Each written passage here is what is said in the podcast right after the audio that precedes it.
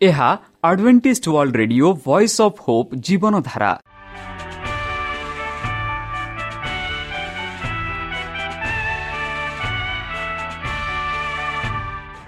Odia radio କାର୍ଯ୍ୟକ୍ରମ ଯାହା ଆମର ଆନ୍ତର୍ଜାତୀୟ ଆଘାତ କେନ୍ଦ୍ରରୁ ପ୍ରସାରଣ କରାଯାଉଛି ପ୍ରତିଦିନ ରାତି ନଅଟା ତିରିଶ ମିନିଟ୍ରେ।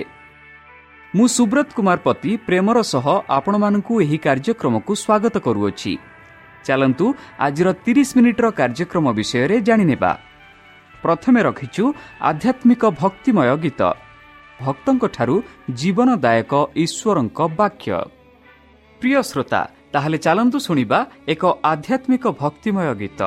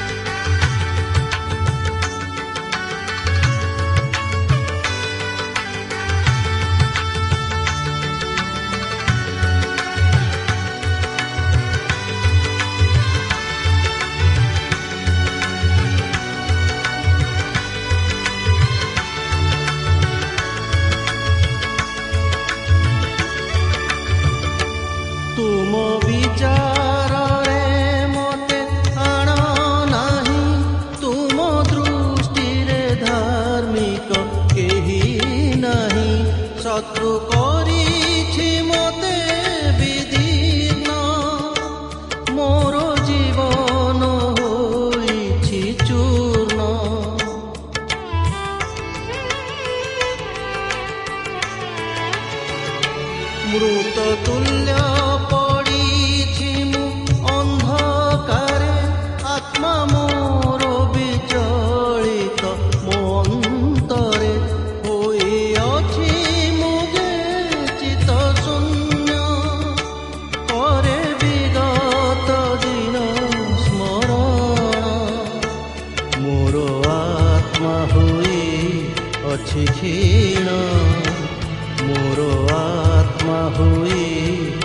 te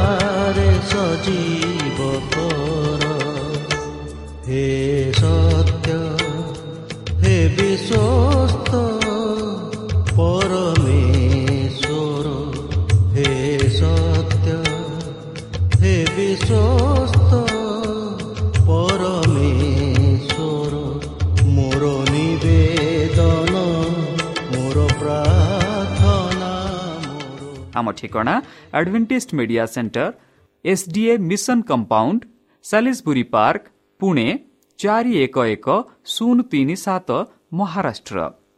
ବା ଖୋଲନ୍ତୁ ଆମର ୱେବସାଇଟ୍ ଯେକୌଣସି Android phone smartphone desktop laptop କିମ୍ବା ଟ୍ୟାବ୍ଲେଟ୍ ଆମର website W W W dot A W R dot O R G slash O R I ଏବଂ W W W dot Adventist media centre India dot O R G Adventist media centre ଇଣ୍ଡିଆର spelling ହେଉଛି A D V E N T I S T M E D I A C E N T R E I N D I A ବର୍ତ୍ତମାନ ଚାଲନ୍ତୁ ଶୁଣିବା ଈଶ୍ୱରଙ୍କ ଭକ୍ତଙ୍କଠାରୁ ଈଶ୍ୱରଙ୍କ ଜୀବନଦାୟକ ବାକ୍ୟ ଦୈନନ୍ଦିନ ଜୀବନର ର ଯତ୍ନକାରୀ ଭାଗ ଦୁଇ.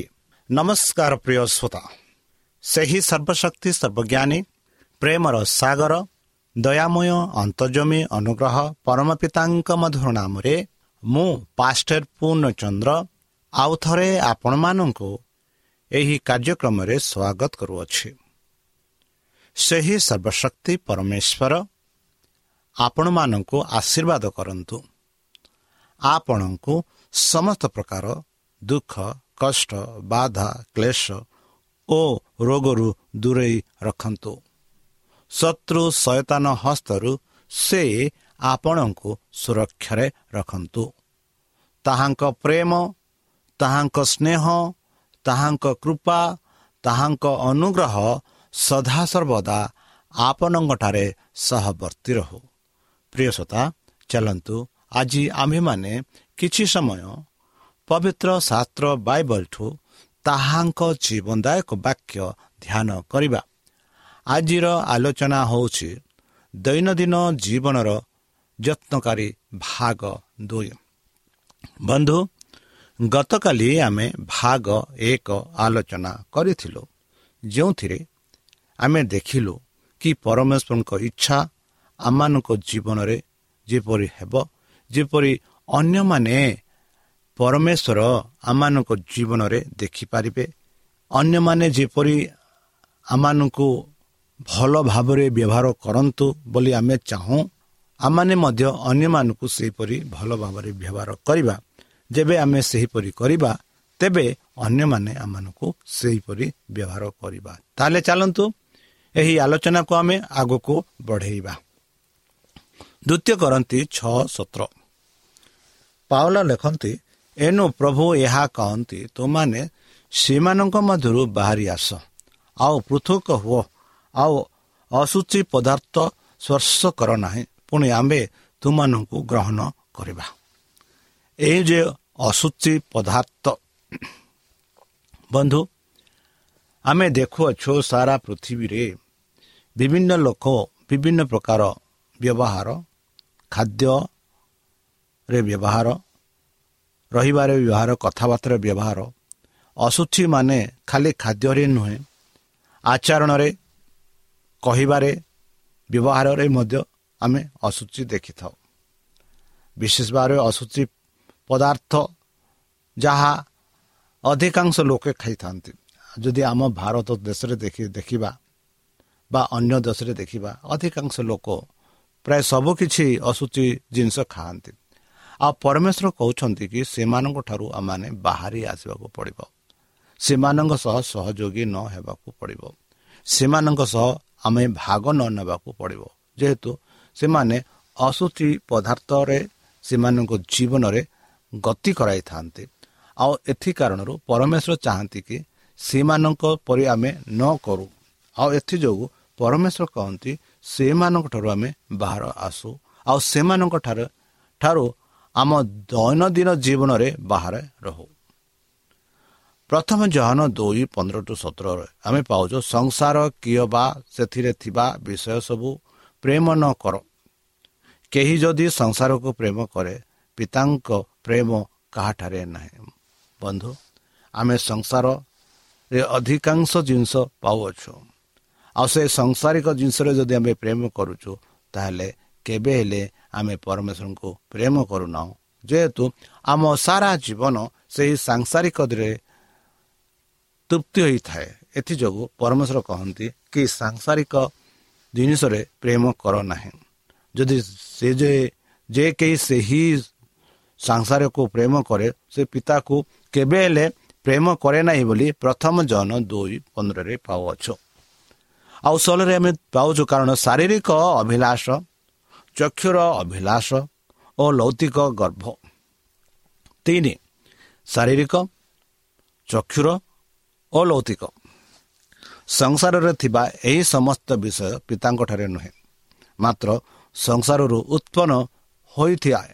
ଯାହା ସଂସାରରୁ ଉତ୍ପନ୍ନ ହୋଇଥାଏ ସେଇଥିରେ ଆମେ ନିଜକୁ ସମର୍ପିତ ନ କରିବାକୁ ପଡ଼ିବ।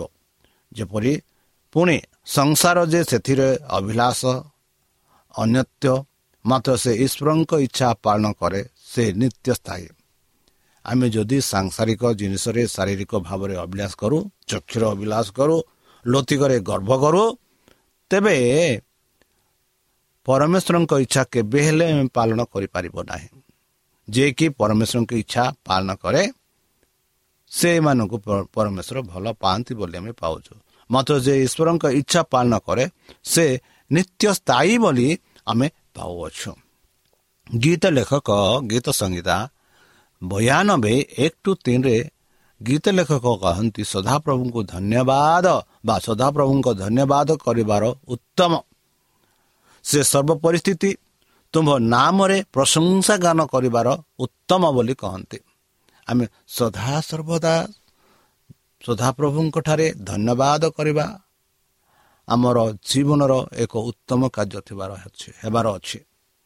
ସର୍ବ ପରିସ୍ଥିତି ଉତ୍ତମ ହେ ସର୍ବ ପରିସ୍ଥିତି ତୁମ ନାମରେ ପ୍ରଶଂସା ଗାନ କରିବାର ଏକ ସୁଯୋଗ ବନ୍ଧୁ।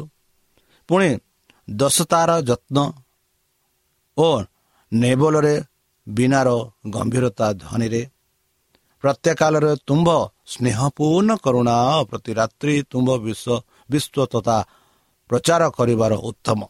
କେତେ ସୁନ୍ଦର ଭାବରେ ଗୀତ ଲେଖକ ଲେଖନ୍ତି କି ଆମେ କିପରି ଆମ ଜୀବନକୁ ବିତାଇ ପାରିବା? ଏହି ସଂସାରରେ ଥାଇ ମଧ୍ୟ ପରମେଶ୍ୱରକୁ କିପରି ଆମେ ଧନ୍ୟବାଦ ନେବଲରେ ବିନାରେ ଦଶ ତାର ଯତ୍ନରେ ତାଙ୍କର ଗୀତ ଗାଇବା ବିନାରେ ଗୀତ ଗାଇବା ଧନ୍ୟବାଦ ଦେଇପାରିବା। ଆଉ କେବେ? ସନ୍ଧ୍ୟା କାଳରେ ରାତ୍ରିରେ ଆଉ ସଦାବେଳେ ପ୍ରତି ରାତ୍ରିରେ ସବୁବେଳେ ଆମେ ଈଶ୍ୱରଙ୍କ କାର୍ଯ୍ୟ କରିପାରିବା ଆଉ ତାଙ୍କ ନାମ ପ୍ରଚାର କରିବା ଏହାର ହେଉଛି ଉତ୍ତମ ବୋଲି ପାଉଲ ଗୀତ ଲେଖକ ଲେଖନ୍ତି ଜାକୁବ ପାଞ୍ଚ ତେରରେ ଆମେ ପାଉଅଛୁ ତୁମାନଙ୍କ ମଧ୍ୟରେ କ'ଣ କେହି ଦୁଃଖ ଭୋଗ କରୁଅଛି ସେ ପ୍ରାର୍ଥନା କରୁ କେହି କ'ଣ ଆନନ୍ଦିତ ଅଟେ ସେ ଗୀତ ଗାନ କରୁ ବନ୍ଧୁ କେଡ଼େ ସୁନ୍ଦର ଭାବରେ ଜାକୁବ ଲେଖକ ଲେଖନ୍ତି ସେ ଯଦି ଆମମାନଙ୍କ ଠାରେ କିଛି ଦୁଃଖ ଭୋଗ ଅଛି କିଛି ଦୁଃଖ ଭୋଗରେ ଆମେ ଯାଉଅଛୁ ଯନ୍ତ୍ରଣା ଭୋଗୁଅଛୁ ସେତେବେଳେ ଆମେ ଯାଇ ଯେବେ ସଦାପ୍ରଭୁଙ୍କ ଠାରେ ପ୍ରାର୍ଥନା କରିବା ଆଉ ସଦାପ୍ରଭୁ ପରମେଶ୍ୱର ଆମ ପ୍ରାର୍ଥନା ସେ ଶୁଣିବେ ବୋଲି ଆମେ ପାଉଅଛୁ। ଯଦି ଆମେ ଆନନ୍ଦରେ ଅଛୁ ଆଉ ସେତେବେଳେ ଆମେ କ'ଣ କରିବାର ଅଛି? ଗୀତ ଗାଇବାର ଅଛି। ଈଶ୍ୱରଙ୍କୁ ପ୍ରଶଂସା କରିବାର ଅଛି। ତାଙ୍କ ନାମରେ ଗୌରବ ବାହିନତ୍ୱ କରିବାକୁ ପଡ଼ିବ ଗୀତ ଗାଇବାକୁ ପଡ଼ିବ ଧନ୍ୟବାଦ ଦେବାକୁ ପଡ଼ିବ। ପ୍ରାୟ ସମସ୍ତ ସମୟରେ ଆମେ ପରମେଶ୍ୱରଙ୍କୁ ପ୍ରଶଂସା କରିବାକୁ ପଡ଼ିବ ଯେହେତୁ ପରମେଶ୍ୱର ସମସ୍ତ ଜିନିଷରେ ମାନଙ୍କୁ ଆଶୀର୍ବାଦ କରନ୍ତି। ପ୍ରଥମ ତିମତି ଦୁଇ ନଅରେ ଆମେ ପାଉଛୁ ସେହି ପ୍ରକାରେ ମଧ୍ୟ ସ୍ତ୍ରୀମାନେ କେଶ ବିନାଶ୍ୟ ଓ ସୁବର୍ଣ୍ଣ କି ମୁକ୍ତା କି ମୂଲ୍ୟବାନ ବସ୍ତ୍ରରେ ଆପଣା ଆପଣାକୁ ଭୂଷିତ ନ କରି ଲଜ୍ଜା ଓ ଶୁଦ୍ଧିତ ସହକାରେ ପରିପାର୍ଥୀ ପରିଚିତ ପରି ପିନ୍ଧ। ବନ୍ଧୁ ଆଜିକାଲି ଯଦି ଆମେ ଦେଖିବା ଯେଉଁ ଫ୍ୟାସନ୍ ଟାଇମ୍ ଆସିଅଛି ଯେଉଁ ପ୍ରକାର କପଡ଼ା ପୋଷାକ ମହିଳାମାନେ ପିନ୍ଧନ୍ତି ଆଉ ସେହି ପୋଷାକ ଦ୍ୱାରା ଆମେ ଲୋକେ ଦେଖି ଆକାଶିତ ହୋଇ ମନ୍ଦ କାର୍ଯ୍ୟରେ ପଡ଼ିଯାଆନ୍ତି। ବାଇବଲରେ କହୁଅଛି କି ସ୍ତ୍ରୀମାନଙ୍କୁ ଏହିଭଳି ସତର୍କ ଦେଇ କହନ୍ତି ତୁମେ ଏହିପରି ପିନ୍ଧ ଯେପରିକି ପରମେଶ୍ୱର ସମ୍ମୁଖରେ ସିଦ୍ଧ। ଏକ ସୌନ୍ଦର୍ଯ୍ୟ ଏକ ଗ୍ରହଣୀୟ। ଯେହେତୁ ଆଜିକାଲି ସଂସାରରେ ଯଦି ଆମେ ଦେଖିବା ଯେଉଁ ପୋଷାକ ଆମେ ପିନ୍ଧୁଛୁ ଯେଉଁ କପଡ଼ା ଆମେ ପିନ୍ଧୁଛୁ ସେ ବିଶେଷ ଭାବରେ ଆମ ଭାଇ ଭଉଣୀମାନେ ଭଉଣୀମାନେ ଯେବେ ସେମାନେ ପିନ୍ଧନ୍ତି ଏଇ ଯେଉଁ ପାପମୟ ଦୁନିଆରେ ସୈତାନର ଶକ୍ତି ଭରି ରହିଅଛି ଆଉ ସୈତାନ ଏହିପରି ଆକାଶିତ ଜିନିଷ ଆଣେ ଝିଅମାନଙ୍କ ଦ୍ୱାରା ସେହି ପୋଷାକ ଦ୍ୱାରା ଆଉ ସେହି ପୋଷାକ ଯାହାକି ପାପକୁ ଟାଣି ନେଇଥାଏ କଡ଼ାଇ ନେଇଥାଏ ଆଉ ପାପ କରାଇଥାଏ। ଏଥିଯୋଗୁଁ ସାଧୁ ପାଲ ଲେଖନ୍ତି ତିମତି ଲେଖନ୍ତି କି ସ୍ତ୍ରୀମାନେ ଯେବେ ବେଶ ବିନାଶ୍ୟ ଏବଂ ସୁବର୍ଣ୍ଣ କି ମୁକ୍ତା କି ମୂଲ୍ୟବାନ ବସ୍ତ୍ରରେ ଆପଣା ଆପଣଙ୍କୁ ଭୂଷିତ ଭୂଷିତା ନ କରୁ କରି ଲଜ୍ଜା ଓ ସୁବିଧ ସହକାରେ ପରିପାଟି ପରିଚ୍ଛଦ ପିନ୍ଧି ନ କରୁ ବୋଲି ପାଉଛୁ ପିତର ଏହିପରି ଲେଖନ୍ତି ବନ୍ଧୁ। ପ୍ରଥମ ପିତର ତିନି ତିନି ଟୁ ଚାରି ସେ ଲେଖନ୍ତି ପୁଣି କେଶ ବେଶ ସମ୍ପୂର୍ଣ୍ଣ ଆବରଣ ଓ ସୁନ୍ଦର ବସ୍ତ୍ର ପରିଧାନ ଏପରି ଯେଉଁ ବାହ୍ୟ ଭୂଷଣ ତାହା ତୁମାନଙ୍କ ଭୂଷଣ ନ ହୋଇ ହୃଦୟରେ ଯେଉଁ କୋମଳ ଓ ଶାନ୍ତିଯୁକ୍ତ ଗୀତ ସ୍ୱଭାବ ଈଶ୍ୱରଙ୍କ ଦୃଷ୍ଟିରେ ବହୁମୂଲ୍ୟ ତାହା ହିଁ ତୁମାନଙ୍କ ଅକ୍ଷୟ ଭୂଷଣ ହେଲା। ଦେଖ କେଡ଼େ ସୁନ୍ଦର ଭାବରେ ପିତର ସ୍ପଷ୍ଟ ଭାବରେ ବୁଝାଉଛନ୍ତି କି ହୃଦୟରେ ଯେଉଁ କୋମଳ ଓ ଶାନ୍ତିଯୁକ୍ତ ଗୁପ୍ତ ସ୍ୱଭାବ ଈଶ୍ୱରଙ୍କ ହୃଦୟରେ ବହୁମୂଲ୍ୟ।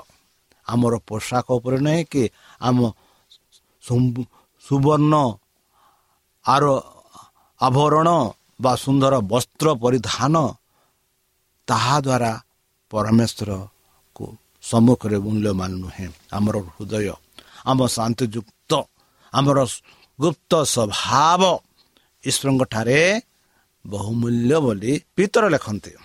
ତାହେଲେ ପ୍ରତ୍ୟେକ ଭାଇ ପ୍ରତ୍ୟେକ ଭଉଣୀମାନଙ୍କୁ ଏହା ମନେ ରଖିବାକୁ ପଡ଼ିବ ଯେ ପରମେଶ୍ୱର ଚାହାନ୍ତି ଏକ କମଳ ଓ ଶାନ୍ତିଯୁକ୍ତ ସ୍ୱଭାବ ଚରିତ୍ର।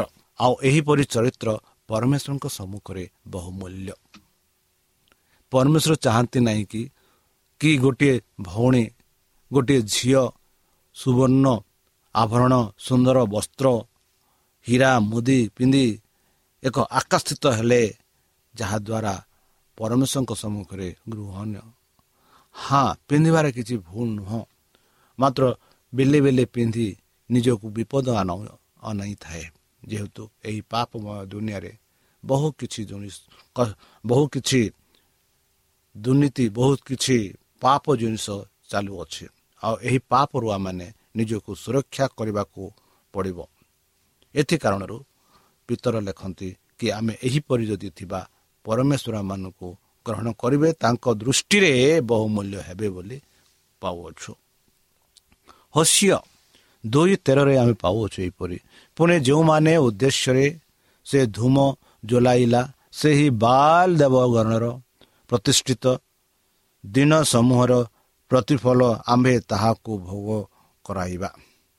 ସେ ସମୟରେ ସେ କର୍ଣ୍ଣ କୁଣ୍ଡଳ ଓ ଅଲଙ୍କାର ଦିରେ ଆପଣାକୁ ଭୂଷିତା କରି ଆପଣା ପ୍ରେରିତ ଗଣର ପଛେ ପଛେ ଗଲା ଓ ଆମକୁ ଭୁଲିଗଲା ଏହା ସଦାପ୍ରଭୁ କହନ୍ତି। ବନ୍ଧୁ କେଡ଼େ ସୁନ୍ଦର ଭାବରେ କେଡ଼େ ସୁନ୍ଦର ଭାବରେ ଆଜିକାଲି ଆମେ ଦେଖୁଅଛୁ ଧନୀ ଲୋକ।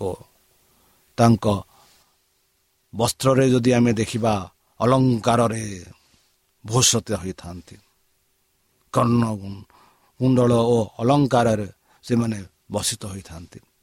ଆଉ ତାହା ସେଥିଯୋଗୁଁ ସେମାନେ ପରମେଶ୍ୱରଙ୍କୁ ପରିତ୍ୟାଗ କରିଥାନ୍ତି। ସେମାନେ ସେହି ସୁନା ରୂପା ସେହି ଅଲଙ୍କାର ପଛେ ପଛେ ଯାଆନ୍ତି ଆଉ ପରମେଶ୍ୱରଙ୍କୁ ଭୁଲି ଯାଆନ୍ତି।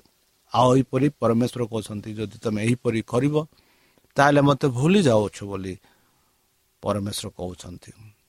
ଜିସାୟ ଭବିଷ୍ୟତ ଭକ୍ତା କହନ୍ତି ଜିସାୟ ତିନି ଷୋହଳ ଛବିଶରେ ଆହୁରି ସର୍ଦା ପ୍ରଭୁ କହିଲେ ସିଅନ ଅହଙ୍କାର ଅହଙ୍କାରିଣୀ ଓ ଆପଣା ଆପଣା ଗ୍ରୀବା ଲମ୍ବେଇ ଓ କଟାକ୍ଷ କରି ଗମନ କରନ୍ତି ଗମନ କରୁ କରୁ ଚଞ୍ଚଳ ପାଦ ସଞ୍ଚାର ଓ ବର୍ଣ୍ଣର ଝୁଣ୍ଟୁ ଝୁଣୁ ଶବ୍ଦ ଋଣୁ ଋଣୁ ଶବ୍ଦ କରନ୍ତି। ବନ୍ଧୁ ଏହି ଯେଉଁ ପବିତ୍ର ଶାସ୍ତ୍ରର ବାକ୍ୟରେ ଆମେ ଦେଖୁଅଛୁ ସେହିପରି ଆଜିକାଲି ବି ଚାଲୁଅଛି। ଏହେତୁ ପ୍ରଭୁ ସିଅନର କନ୍ୟାମାନଙ୍କ ସେହି ଯେଉଁ ସିଅନର କନ୍ୟାମାନଙ୍କୁ କହନ୍ତି କନ୍ୟାଗଣର ମସ୍ତକ କାଛୁମୟ କରିବେ ଓ ସଦାପ୍ରଭୁ ସେମାନଙ୍କ ଗୁପ୍ତ ସ୍ଥାନ ଅନାବୃତ କରିବେ। ସେ ଦିନ ପ୍ରଭୁ ସେମାନଙ୍କ ଗର୍ଭ ସ୍ୱରୂପ ନୁରୂପ ନୁପୁର ଓ ଜାଲିର ବସ୍ତ୍ର ଓ ଚନ୍ଦ୍ରହାର କର୍ଣ୍ଣଭୂଷଣ ଓ ଚୁଡ଼ି ଓ ଘୁମୁଟା ଆହୁରି ସଦା ପ୍ରଭୁ କହିଲେ ସିଅନର କନ୍ୟାଗଣ ଅହଙ୍କାରିଣୀ ଓ ଆପଣା ଆପଣା ଗ୍ରୀବା ଲମ୍ବାର ଓ କଟାକ୍ଷ କରି ଗମନ କରନ୍ତି। ଗମନ କରୁ କରୁ ଚଞ୍ଚଳ ପାଦ ସଞ୍ଚାୟ ଓ ଚରଣରେ ଝୁନୁ ଝୁନୁ ଶବ୍ଦ କରନ୍ତି।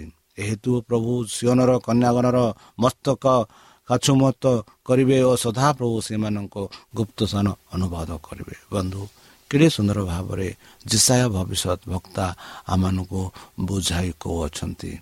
କେଡ଼େ ସୁନ୍ଦର ଭାବରେ। ବନ୍ଧୁ ମୁଁ ଓ ନଥ ଜିସାୟ ଭବିଷ୍ୟତ ବକ୍ତା ଆହୁରି କହନ୍ତି ଉଚ୍ଚକାଳୀନ ବସ୍ତ୍ର ଓ ଆବରଣୀୟ ବସ୍ତ୍ର ଓ ଶାଲ ଓ ଗଞ୍ଜିଆ ଦର୍ପଣ ଓ ସୁଗ୍ନ ବସ୍ତ୍ର ଶିରବନ୍ଧଣୀ ଓ ଓଢ଼ଣୀ କାଢ଼ି ପକାଇବେ। ତହିଁରେ ସୁଗନ୍ଧି ଦ୍ରବ୍ୟ ବଦଳରେ ଦୁର୍ଗନ୍ଧ ପୂଜ ଓ କଠି ମନ୍ଦିରର ପରିବର୍ତ୍ତେ ରଜୁ ଓ ସୁନ୍ଦର କେଶ ବିନାଶ ବଦଳରେ କେଶ ଶୂନ୍ୟତା ଓ ଆବରଣ ବସ୍ତ୍ର ପରିବର୍ତ୍ତେ ଚଟର ଫୁଟକା। ସୌନ୍ଦର୍ଯ୍ୟ ବଦଳରେ ପୋଡ଼ା ଦାଗ ହେବ। ତୁମର ପୁରୁଷମାନେ ଖଡ଼ଖ ଖାତରେ ଓ ତୁମର ବିକ୍ରମୀ ଗଣ ଯୁଦ୍ଧରେ ପଡ଼ିବେ। ସିଅନର ନଗର ଦ୍ୱାର ସକଳ ଶୋକ ଓ ବିଲାପ କରିବେ ଓ ସେ ଅକିନଞ୍ଚା ଅକିନଞ୍ଚନା ହୋଇ ଭୂମିରେ ବସିବ। ଏହିପରି ପରମେଶ୍ୱର ସେମାନଙ୍କୁ ସତର୍କବାଣୀ ଦେଉଛନ୍ତି। ଯଦି ତୁମେ ନିଜକୁ ସତର୍କ ଯଦି ନ ରଖିବ ଏହିପରି ଘଟିବ। ଯେପରିକି ଆମେ ଆଦି ପୁସ୍ତକ ପତିରିଶ ଦୁଇରୁ ଚାରିରେ ପାଉଛୁ ତହିଁରେ ଜାକୁବ ଆପନା ଆପନା ପରିଜନ ଓ ସାଙ୍ଗୀ ଲୋକମାନଙ୍କୁ କହିଲେ ତୁମାନଙ୍କ ନିକଟରେ ଯେ ସବୁ ବିଦେଶୀୟ ଦେବତା ଅଛନ୍ତି ସେମାନଙ୍କୁ ଦୂର କର। ଆପଣଙ୍କୁ ସୂଚୀ କର। ପୁଣି ଆପଣଙ୍କର ବସ୍ତ୍ର ପରିବର୍ତ୍ତନ କର। ପୁଣି ଆସ ଆମେମାନେ ଉଠି ବେଥଲକୁ ଯାଇ ଯେଉଁଠାରେ ପରମେଶ୍ୱର ମୋର ଦୁଃଖର ଦିନରେ ମୋ ପ୍ରାର୍ଥନାର ଉତ୍ତର ଦେଲେ ଓ ମୋର ଗମନର ପଥରେ ମୋର ସଦା ସହାୟ ହୋଇଥିଲେ ତାହାଙ୍କ ଉଦ୍ଦେଶ୍ୟରେ ମୁଁ ସେହି ସ୍ଥାନରେ ଗୋଟିଏ ଯଜ୍ଞ ଦେବୀ ନିର୍ମାଣ କରିବା କରିବି। ତହିଁରେ ସେମାନେ ଆପଣମାନଙ୍କ ନିକଟସ୍ଥ ବିଦେଶୀୟ ଦେବତା ଓ କର୍ଣ୍ଣକୁଣ୍ଡଳ ସକଳ ଜ୍ଞାନୀ ଜାକୁବଙ୍କୁ ଦେଲେ। ପୁଣି ସେ ତାହା ସବୁ ଘେନି ଶିଖୁମ ନିକଟବର୍ତ୍ତୀ ଆଲୋନ ବୃକ୍ଷ ମୂଳେ ଲୁଚାଇ ରଖିଲେ। ବନ୍ଧୁ କେଡ଼େ ସୁନ୍ଦର ଭାବରେ ଏକ ସୌନ୍ଦର୍ଯ୍ୟ ଉଦାହରଣ ପାଉଅଛୁ। ପରମେଶ୍ୱରଙ୍କ ଆଦେଶ ମାଣି ଆପଣା ପରିବାରକୁ ଜାକୁବ ସେମାନଙ୍କର ଯେତେ ବିଦେଶ ଦେବତା ଥିଲା ସୁନା ରୂପା ଥିଲା ଯେତେ ସବୁ କିଛି କାଢ଼ି ଦେଇଦେଲେ ଆଉ ପରମେଶ୍ୱରଙ୍କୁ। ଏକ ସୁନ୍ଦର ହୃଦୟରେ ମନ ଆତ୍ମାରେ ପୂଜା ଆରାଧନା କଲେ। ତାହେଲେ ପ୍ରିୟ ବନ୍ଧୁ ଯେପରି ଆମେ ପାଉଅଛୁ ଯାତ୍ରା ପୁସ୍ତକ ତେତିଶ ପାଞ୍ଚ ଟୁ ଛଅରେ କାରଣ ସଦାପ୍ରଭୁ ମଶାଙ୍କୁ କହିଥିଲେ ତୁମ୍ଭେ ଇସ୍ରାଏଲ ସନ୍ତାନମାନଙ୍କୁ ଏହି କଥା କୁହ। ତୁମେମାନେ ଶକ୍ତ ଗ୍ରୀବ ଲୋକ। ଯେବେ ଆମ୍ଭେ ଏକ ଜିନିଷ ତୁମ୍ଭ ତୁମକୁ ମଧ୍ୟକୁ ଯିବା ତେବେ ତୁମକୁ ସଂହାର କରିବା। ତୁମ୍ଭେ ଏବେ ଆପଣା ଶରୀରକୁ ଆଭରଣ ଦୂର କର। ତହିଁରେ ତୁମ ପ୍ରତି କି କର୍ତ୍ତବ୍ୟ ତାହା ଜାଣିବ। ଏଥିରେ ଇସ୍ରାଏଲ ସନ୍ତାନଗଣର ହରେବ ପର୍ବତ ନିକଟକୁ ଅଗ୍ରସର ହୋଇ ଯାଉ ଯାଉ ଆପନ ଆପନ ସମସ୍ତ ଆବରଣ ଦୂର କଲେ। ଦେଖନ୍ତୁ କେତେ ସୁନ୍ଦର ଭାବରେ ପାଉଅଛୁ ସମସ୍ତ ଆବରଣ ସେ ଦୂର କଲେ। ଆଉ ପରମେଶ୍ୱର ଏହିପରି ଆଦେଶ ଦେଇଥିଲେ। ତାହେଲେ ପ୍ରିୟ ବନ୍ଧୁ ଚାଲନ୍ତୁ। ହଁ ଏହି ପୃଥିବୀ ଲୋକେ ଚାହାନ୍ତି ଏକ ଆକାଶ ସ୍ଥାନୀୟ ହଁ ଥିବାର ଅଛି। ମାତ୍ର ଆମର ହୃଦୟ ସଫା ଥିବାର ଅଛି। ଆମର ହୃଦୟ ତାଙ୍କଠାରେ ଥିବାର ଅଛି। ବେଲେ ବେଲେ ଯେବେ ଆମେ ସେହି ଆବରଣରେ ନିଜକୁ ରଖିଥାଉ ତେବେ ଆମ ମନରେ ଏକ ଗର୍ଭ ଉଠିଥାଏ। ଆଉ ସେଇ ଗର୍ଭ ସେଇ ସୈତାନ ସୃଷ୍ଟି କରିଥାଏ। ତାହେଲେ ବନ୍ଧୁ ଚାଲନ୍ତୁ। ଆମେ ସେହି ପରମେଶ୍ୱରଙ୍କଠାରେ ନିଜକୁ ସମର୍ପଣ କରେ। ଆମ ଯେଉଁ ଦିନ ଦୈନ ଜୀବନରେ ଯତ୍ନକାରୀ ରୂପେ ଚାଲିବା। ଆମ ଦିନ ଦିନ ଜୀବନରେ ଯେପରିକି ସଦାପ୍ରଭୁ ପରମେଶ୍ୱରଙ୍କ ସମ୍ମୁଖରେ ଆମେ ଗ୍ରହ ଗ୍ରହଣ ହୋଇପାରିବା ସେଥିପାଇଁ ଆମେ ନିଜକୁ ସମର୍ପଣ କରି। ସେହି ପବିତ୍ର ଆତ୍ମର ସାହାଯ୍ୟ ନେଇ ଆମ ଜୀବନକୁ ତାହାଙ୍କ ଆଜ୍ଞା ପ୍ରକାରେ ଗତି କରାଇବା। ତାହେଲେ ଚାଲନ୍ତୁ ନିଜକୁ ସମର୍ପଣ କରି ତାହାଙ୍କ ମଧୁର ନାମରେ ଆମେ ପ୍ରାର୍ଥନା କରିବା। ହେ ଆମମାନଙ୍କ ସ୍ୱରଶକ୍ତି ସର୍ବଜ୍ଞାନୀ ପ୍ରେମର ସାଗର ଦୟାମୟ ଅନ୍ତର୍ଜମୀ ଅନୁଗ୍ରହ ପରମ ପିତା। ଧନ୍ୟବାଦ ଅର୍ପଣ କରୁଛୁ ପ୍ରଭୁ ବର୍ତ୍ତମାନ ଯେଉଁ ବାକ୍ୟ ତୁମ ସେହି ଭକ୍ତ ସେହି ପବିତ୍ର ଶାସ୍ତ୍ର ବାଇବଲଠୁ ଆମମାନଙ୍କୁ ଶିକ୍ଷା ଦେଲେ। ସେହି ବାକ୍ୟ ଅନୁସାରେ ଆମମାନଙ୍କୁ ଚାଲିବା ପାଇଁ ବୁଦ୍ଧିରେ ଜ୍ଞାନରେ ଶକ୍ତିରେ ପରିପୂର୍ଣ୍ଣ କର। ଆମ ପାପ ସବୁ ତୁମ ସେହି ବହୁମୂଲ୍ୟ ରକ୍ତରେ ପରିଷ୍କାର କରିଦେଇ ଦିଅ ଆଉ ଯେତେବେଳେ ତୁମେ ତୁମ ସେହି ସହସ୍ର ଦୂତଙ୍କ ସହ ଆସିବେ ସେତେବେଳେ ଆମମାନଙ୍କୁ ଏକ ବାସସ୍ଥାନ ଦେବ ବୋଲି ତ୍ରାଣକର୍ତ୍ତା ପ୍ରଭୁ ଯୀଶୁଙ୍କ ମଧୁରମୟ ନାମରେ ଏହି ଛୋଟ ବିକ୍ଷମା ଅଛୁ ପ୍ରିୟ ଶ୍ରୋତା ଆମେ ଆଶା କରୁଛୁ ଯେ ଆମର କାର୍ଯ୍ୟକ୍ରମ ଆପଣମାନଙ୍କୁ ପସନ୍ଦ ଲାଗୁଥିବ। ଆପଣଙ୍କର ମତାମତ ଜଣାଇବା ପାଇଁ ଆମର ଏହି ଠିକଣାରେ ଯୋଗାଯୋଗ କରନ୍ତୁ। ଆମ ଠିକଣା Adventist media centre SDA mission compound Salisbury park Pune ଚାରି ଏକ ଏକ ଶୂନ ତିନି ସାତ ମହାରାଷ୍ଟ୍ର। ବା ଖୋଲନ୍ତୁ ଆମର ୱେବସାଇଟ୍ ଯେକୌଣସି Android phone smartphone desktop laptop କିମ୍ବା ଟ୍ୟାବ୍ଲେଟ୍ ଆମର website W W W dot A W R dot O R G slash O R I ଏବଂ W W W dot Adventist media centre India dot O R G Adventist media centre ଇଣ୍ଡିଆର spelling ହେଉଛି A D V E N T I S T M E D I A C E N T R E I N D I A ଅଥବା download କରନ୍ତୁ ଆମର mobile app ଆପଣଙ୍କର mobile play ଷ୍ଟୋରକୁ ଯାଆନ୍ତୁ ଆଉ type କରନ୍ତୁ the voice of hope ଆଉ download କରନ୍ତୁ ଈଶ୍ୱର ଆପଣଙ୍କୁ ଆଶୀର୍ବାଦ କରନ୍ତୁ ଧନ୍ୟବାଦ